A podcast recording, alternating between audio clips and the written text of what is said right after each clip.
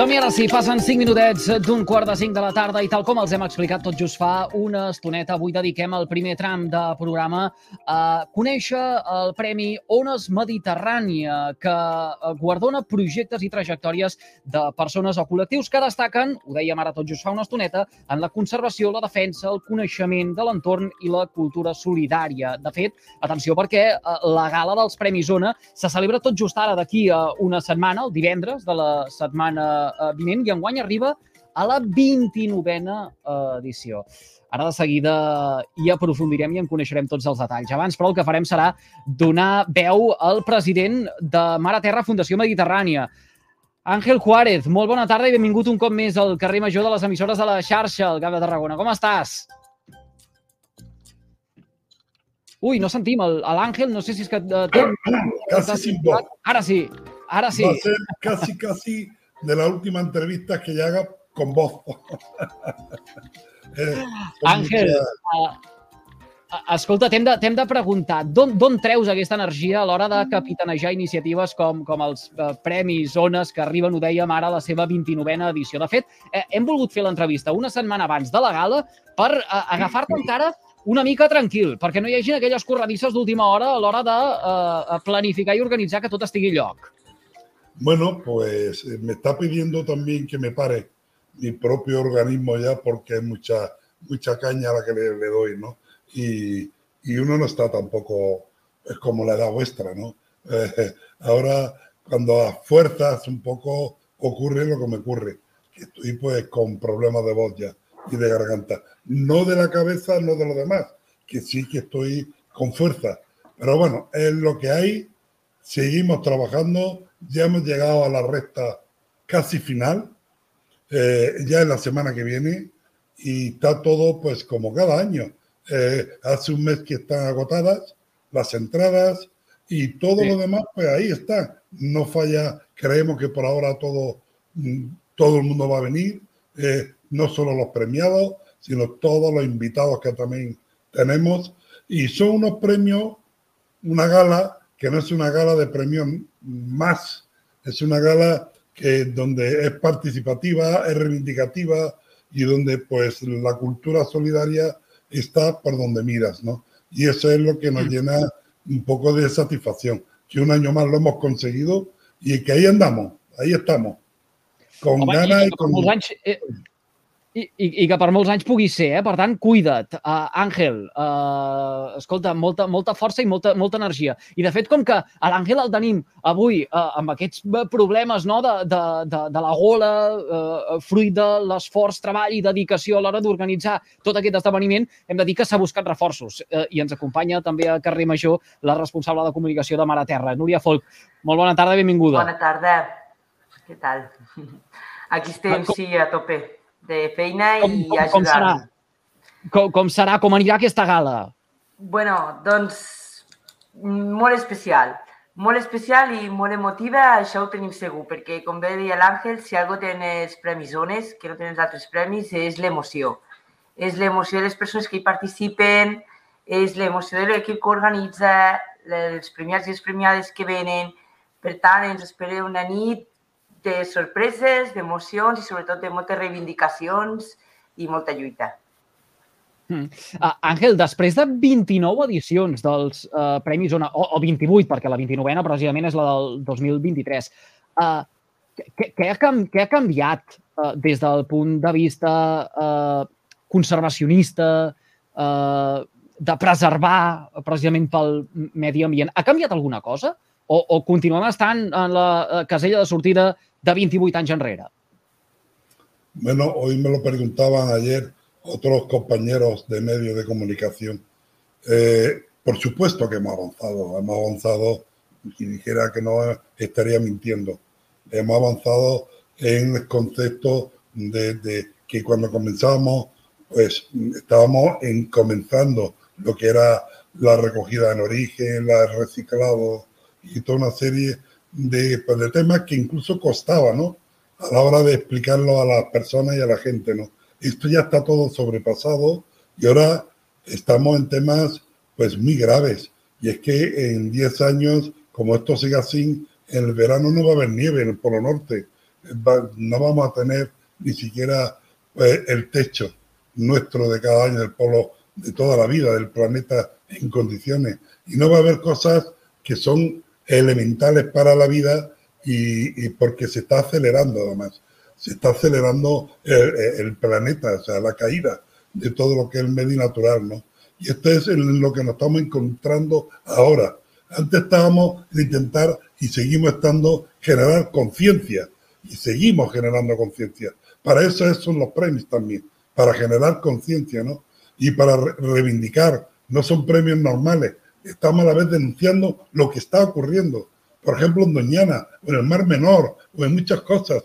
Después de muchos años, todavía siguen la mayoría de los políticos con los, con los oídos tapados. O sea, por ejemplo, en Tarragona tenemos todavía el río Francolí, igual. Y cada año hablamos, en todas las candidaturas, todo el mundo habla, por poner un ejemplo, de la anilla verde del Camp de Tarragona. Y nadie hace nada.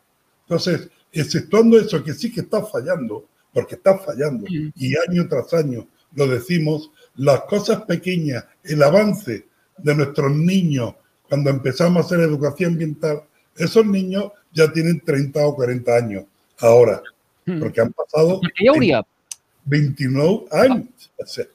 entonces sí que hemos avanzado en ese aspecto y sabemos, por ejemplo, tenemos que explicar lo que es el, el, el, verde, el, vamos, tirar los, los residuos, las basuras, el verde, el vermell, el otro, no, perdón, el vermell, el otro, ¿para qué sirve? Todo eso ya está. Ahora estamos en cosas mucho más graves y más gordas. Y creo que ahí ah, tenemos un reto todo el mundo.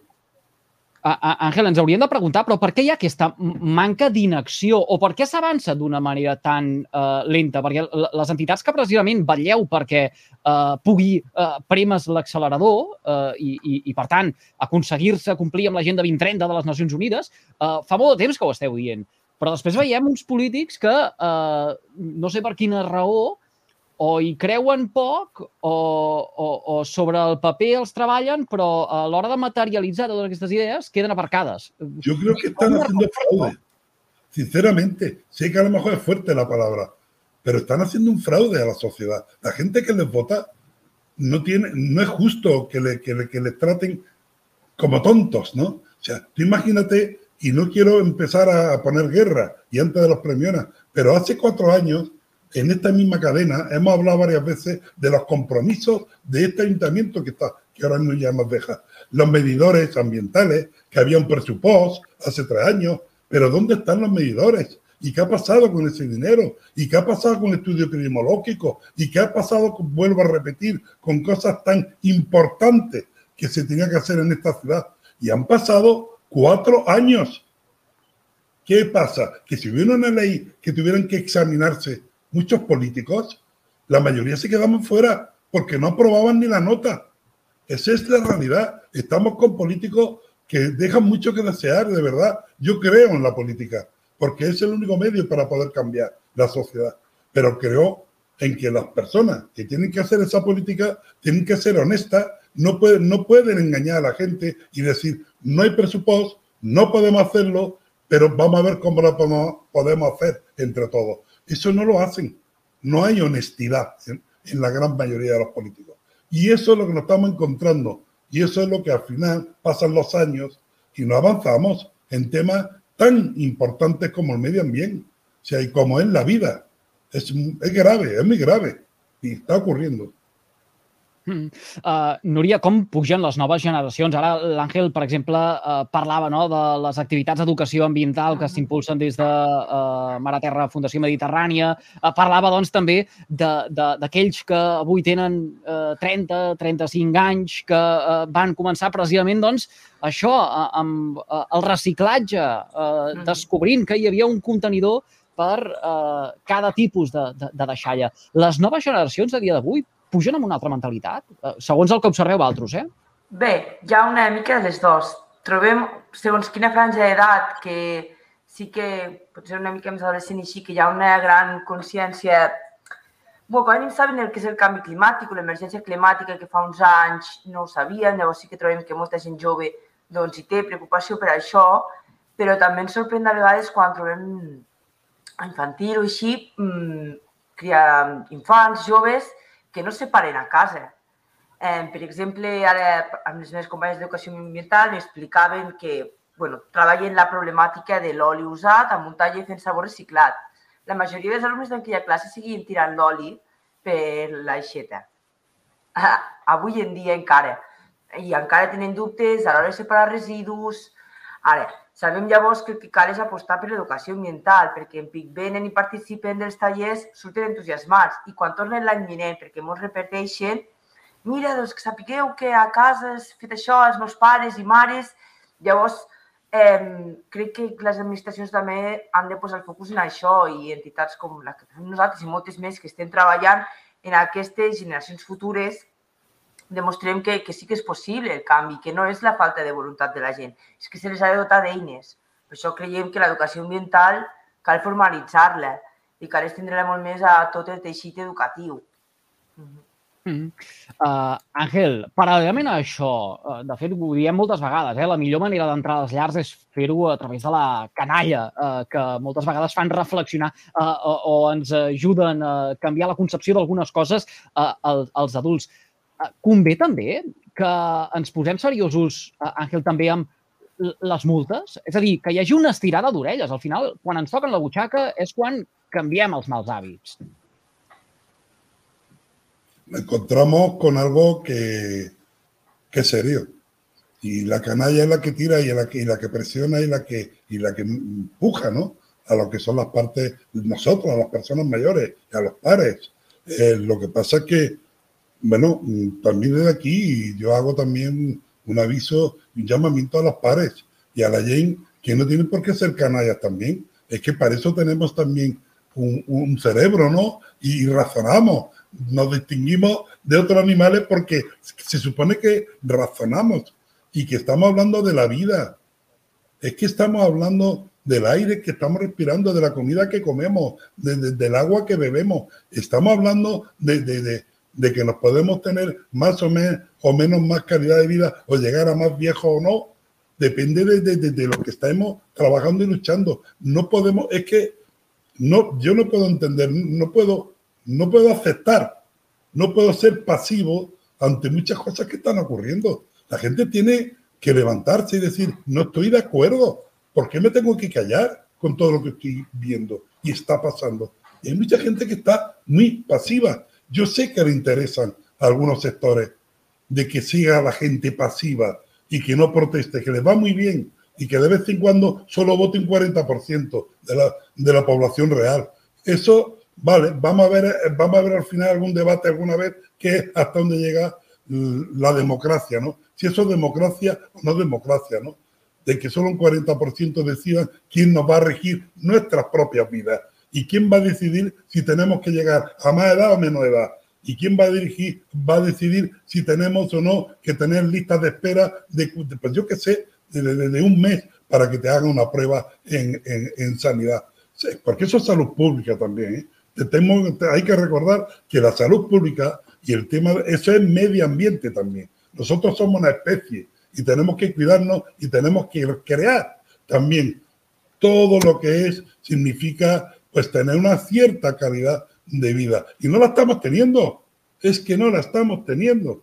Es que ahora, por ejemplo, por, bueno, es uno de los temas que ya sé que no tiene que ver, pero también lo voy a sacar este año en los premisonas eh, eh, nosotros estábamos hace 10 o 6 años reivindicando una máquina de PEC-TAC, que es para las células cancerígenas y, la, y medir la metástasis. Bueno, había una, la tenían cerradita y todo el mundo yendo a Barcelona, por poner un ejemplo. Con lo que eso conlleva, no habla ya de muerte para no crear miedo.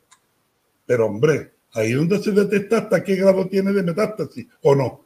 Pues resulta que esa máquina ya está, conseguimos la casa, la, máquina que está ahora mismo saturada y el mismo oncólogo me, me pedían ayuda el otro día para que lo denunciáramos, porque otra vez están yendo cientos de personas de Tarragona y del CAM y este de Tortosa abajo hasta Barcelona para hacer las pruebas porque ya está saturada la de Reu. Qué casualidad que han puesto otra, que ya es de pago. Hombre, pagando sí que ya puede y entonces los tratamientos pueden ir más rápido. Eso es medio ambiente también de verdad.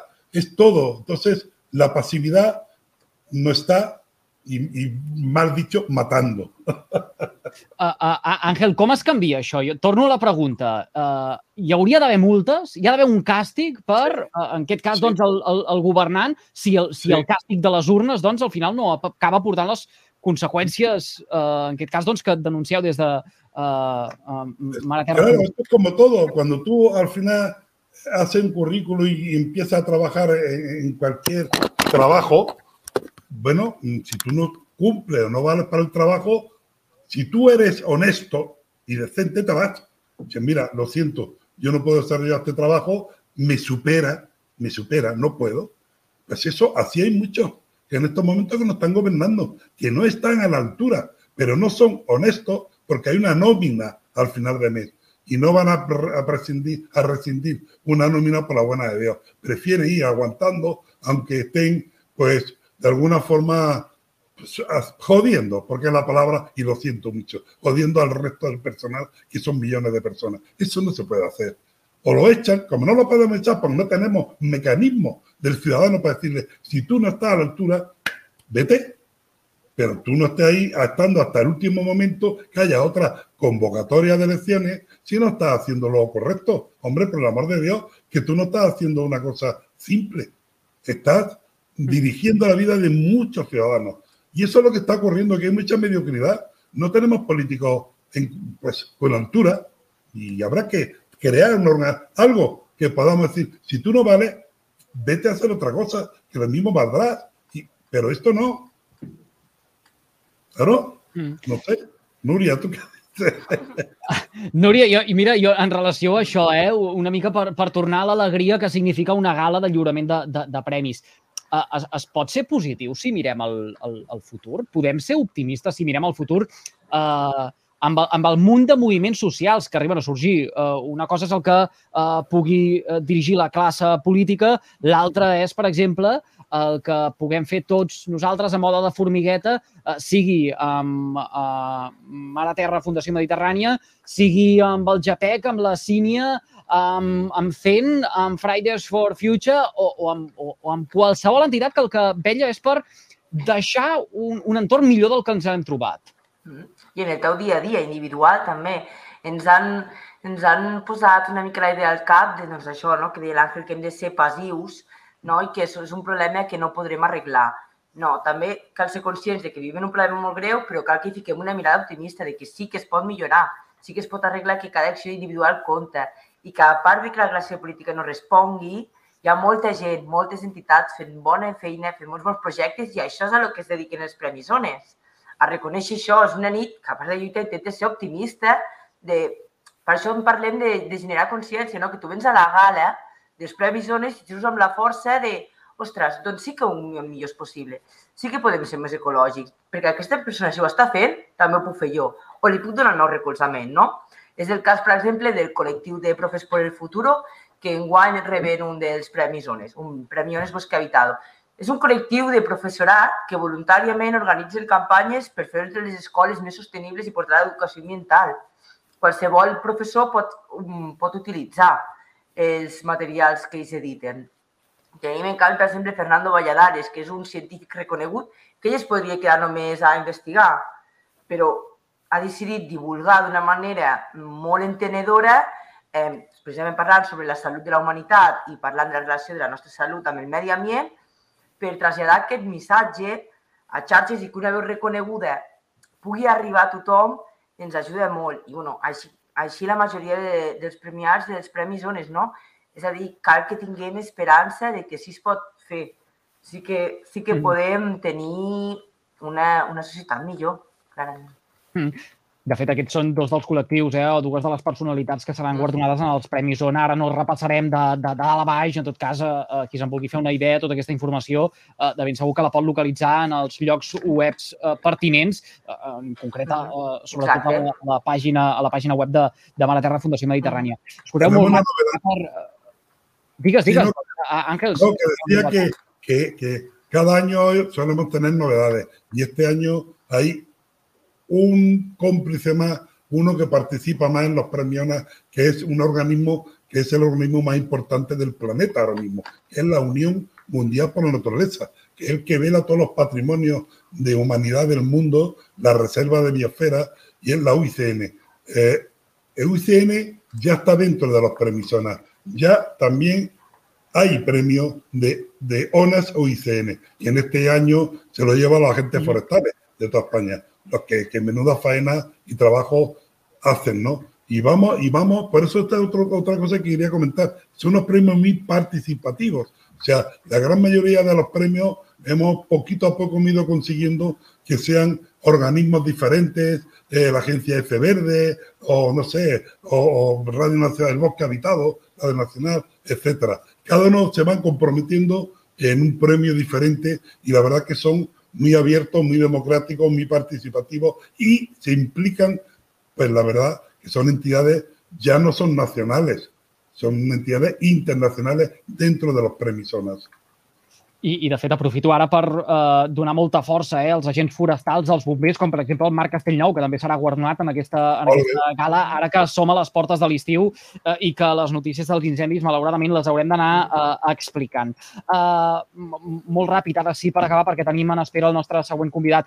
Eh, les entrades eh, que, que eren gratuïtes, dic que e, eren en passat perquè s'han exaurit ja, així que eh, jo em penso que eh, l'únic que podem dir a l'audiència que ens està escoltant ara mateix en directe o en remissió del programa és que si volen gaudir d'una manera directa de tot el que passarà el divendres de la setmana que ve a partir de les 7 de la tarda al Teatre de Metropol, és que eh, posin TAC 12, la televisió pública del Camp de Tarragona.